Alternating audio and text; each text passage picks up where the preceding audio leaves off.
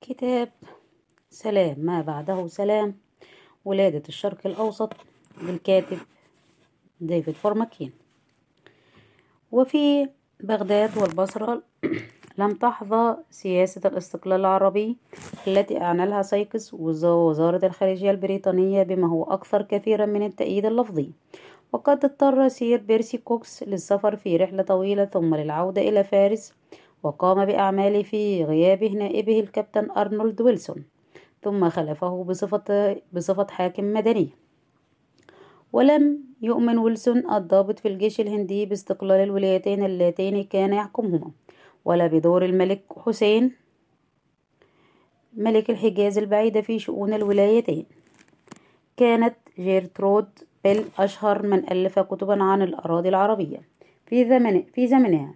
قد جاءت إلى بغداد مع جيش دجلة وعملت بصفة مساعدة لويلسون.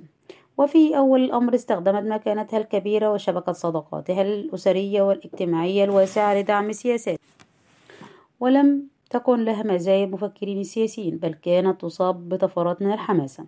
وفي ذلك الحين تحمست لآراء ويلسون وفي فبراير عام 1918 كتبت إلى صديقها القديم تشارلز هاردينج الوكيل الدائم لوزارة الخارجية البريطانية قائلة لقد تحققت خطوات مذهلة باتجاه إقامة حكومة منظمة ولا يقف أي عنصر هام ضدنا. وكلما قويت قبضتنا ونحن نمسك بزمام الأمور هنا زاد سرور السكان. إن ما يكرهونه هو أنصاف الحلول. وختمت كلامها بالقول أن لا أحد في بغداد أو البصرة يستطيع التفكير بحكومة عربية مستقلة. لقد كان هذا الكلام أبعد ما يكون عن البيان الذي أعد مسودته سير مارك سايكس بشأن تحرير بغداد دعا فيه إلى بعث الأمة العربية. وفقا لاقتراح أمير مكة في مراسلات الحسين ومكماهون. وكان في البيان تلميح أن إلى أن الحسين سيكون زعيم الأمة العربية. في أمكنة أخرى أيضا جرى تعديل في سياسة التحالف التي دعا إليها سايكس نتيجة تخلي مسؤولين بريطانيين عن حماسه في زمن الحرب لحاكم مكة. وفي حين استمر سايكس منافحا عن قضية الحسين لاحظ مسؤولون بريطانيون تدهور وضع الحسين مقابل وضع منافسه. عبد العزيز بن سعود سيد نجد الذي دعمته حكومة الهند طوال الوقت. وكان سايكس قد تلقى إيماءة إلى هذا التدهور عندما زار الحجاز في ربيع 1917 إذ كان الحسين على نحو مفاجئ مهادنا بموافقته على التعاون مع بريطانيا في بلاد الرافضين. بل ومع فرنسا في سوريا مضيفا لكننا نطلب إلى بريطانيا العظمى أن تساعدنا في مسألتنا مع ابن سعود. في يناير عام 1918 أبلغ الملك حسين أحد ضباط المكتب العربي الرائد كينهان كورونليس أنه يفكر بإعلان نفسه خليفة للمسلمين. كانت هذه خطة كيتشنر قبل ثلاثة سنوات. مدفوعا إلى تبنيها بالمذكرات التي تلقاها من كلايتون وستورز. وكان الضباط الذين شكلوا فيما بعد المكتب العربي يدعون إلى تنفيذها. ولكن مع حلول يناير عام 1918 تبدلت وجهة نظر المكتب العربي إلى وجهة نظر معاكسة نظرا لتدني تقديرها للشريف حسين. وفي محاولة من كوروناليس لكي يثني الشريف حسين عن هذا الهدف أخذ يبصره بالمشكلات الخطيرة. التي ستنشأ إذا ما حاول أن يتولى الخلافة. وعندما تلقى المندوب السامي سير وينغت الأخبار التي زوده بها كوروناليس بادر إلى إرسال رسالة إلى وزارة الخارجية قائلا أنه يأمل أن تتوافر فرصة لإيقاف أي عمل سابق لأوانه أو غير مدروس دراسة حسنة من جانب الحسين. كان هذا الجنرال وينغت نفسه الذي أقنع بتاريخ نوفمبر 1915 زعيما دينيا عربيا بأن يقول للشريف حسين أنه الرجل المناسب لتسلم الإرث الذي هو من حقه ولتحقيق آمال شعب المحمديين والعرب في استعادة الخلافة السليبة ودعا الزعيم الهاشمي إلى إقامة الخلافة العربية الهاشمية. المحمديين والعرب في استعادة الخلافة السليبة ودعا الزعيم الهاشمي إلى إقامة الخلافة العربية الهاشمية. رأت بح كيتشنر أنه ليس ملائما أن يتذكروا أنهم ورئيسهم شجعوا الحسين ذات يوم بأن يدعي الخلافة معتقدين أن محو هذه الذكرى في ذاكرتهم سيؤدي إلى إغفالها لاحقا في كتبهم وإلى شطبها من الوثائق الرسمية. إن سير رونالد ستورز حذف من مذكراته التي نشرت بعد ثلاثة عقود الجزء الذي يتحدث عن الخلافة في برقية كيتشنر التاريخية إلى الحسين عام 1914 وكتب لورنس أن كيتشنر وأتباعه آمنوا بالقومية العربية منذ البداية مع أنهم في الحقيقة لم يؤمنوا بها قط بل آمنوا بدلا منها بقوة الخلافة وبقدرة الحسين على الاستيلاء عليها من أجلهم وآمنوا أن القوة في الشرق لا تعني شيئا وأن الدين هو كل شيء. وحقيقة الأمر أن أجواء السياسة عام 1918 والرغبة في إعادة كتابة التاريخ قد أملت حدوث تحول في التوقيت. لقد أخذ فيصل وليس الحسين يبرز بصفته الزعيم العربي المفضل لدى القاهرة. لأن فيصل أظهر توجها يفتقر إليه والده لقبول النصح والتوجيه البريطاني.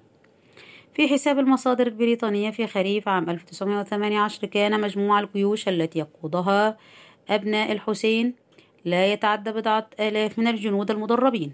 وكان ادعاء البريطانيين في العلن أن أعداد هائلة من العرب تقاطرت للقتال تحت راية الأمراء الحجازيين.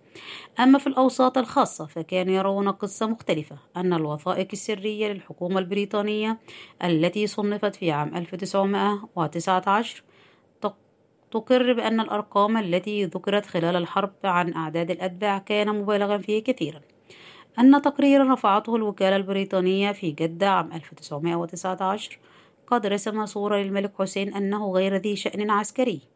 لقد قدر, قدر عدد أتباعه بألف جندي نظامي فقط وألفين وخمسمائة من الجنود غير النظاميين. وربما يضاف إليهم بضعة آلاف من القبائل البدوية. وكان تقدير كفاءتهم القتالية أنها ضعيفة.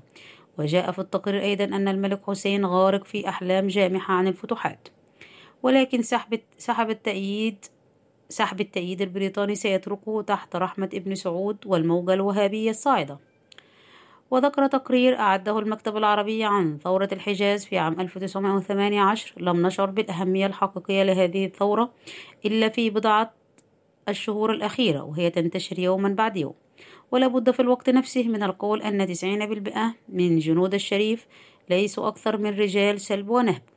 وجاء في التقرير أن العرب لم يثوروا على الأطراف إلا بعد وصول القوات البريطانية. وهكذا يمكن القول بكلمة أن مدى ثورة الشريف يعتمد اعتمادا كليا على قدرة القوات البريطانية على إحراز تقدم. وكتب الكونولين ماينز ماينرز هاغن رئيس الاستخبارات في قيادة الليمبي أنه من الصواب أن نقول أن حملة لورنس بالصحراء لم يكن لها أدنى تأثير في ساحة الحرب الرئيسية غرب نهر الأردن. ولكن الآخرين خالفوا هذا الرأي فقد استمر سيكس مدافعا عن التحالف مع الحسين مؤمنا أن فيصل وأشقائه يسهمون إسهاما كبيرا في المجهود, في المجهود الحربي. وقال أن ثورة الحجاز في شبه الجزيرة العربية وأماكن أخرى شاغلت في عام 1918 38 ألف جندي عثماني. وتبين مذكرات قائد قوات العدو ليمان فون ساندرز أنه عندما اتجه هو وجيوشه إلى الفرارة في عام 1918 وجدوا أنفسهم يتعرضون لمضايقة مؤلمة من قبل البدو العرب. كما أن لهجة مذكرات جيلبرت كلايتون تبين أنه كان يعتقد بأن فيصل ولورنس يحققان أهدافا هامة على ميمنة جيش الليمبي وثمة أدلة أخرى تفيد أن القوات العربية في شرق الأردن نجحت في نشر الفوضى في المناطق التي في حوزة الأتراك. إن مدى إسهام فيصل في نجاحات الحلفاء سؤال لم يجد جوابا في وحل السياسة آنذاك ولا يزال بغير جواب حتى الآن ولكنه أثار سؤالا آخر. هل تدعم بريطانيا الحسين وفيصل ضد الزعامة العربية السورية التي هي من أهل البلاد الأصليين؟ وهل تؤيد بريطانيا فيصل ضد الحسين؟ نشأت في معسكر الشريف حالات تفسخ إذ انقطع فيصل عن الحجاز وعن أسرته وانتقل إلى فلك بريطانيا وقد التقطت السلطات العسكرية البريطانية سرا برقيات شكى فيها الحسين من أنهم جعلوا ولدي ينقلب عليه ويعيش في بلدان أخرى إنه متمرد وخائن لوالده. وشق أيضا قائلا إنني أعيش تحت أوامر ولد عاق وعاص وهذا ما يثقل كاهلي بهذا الشقاء. وهدد بأنه إذا استمر فيصل في تدمير مستقبله الطيب وأم وأمته وشرفه فلا بد من تعيين مجلس حربي يحل محله في أثناء ذلك.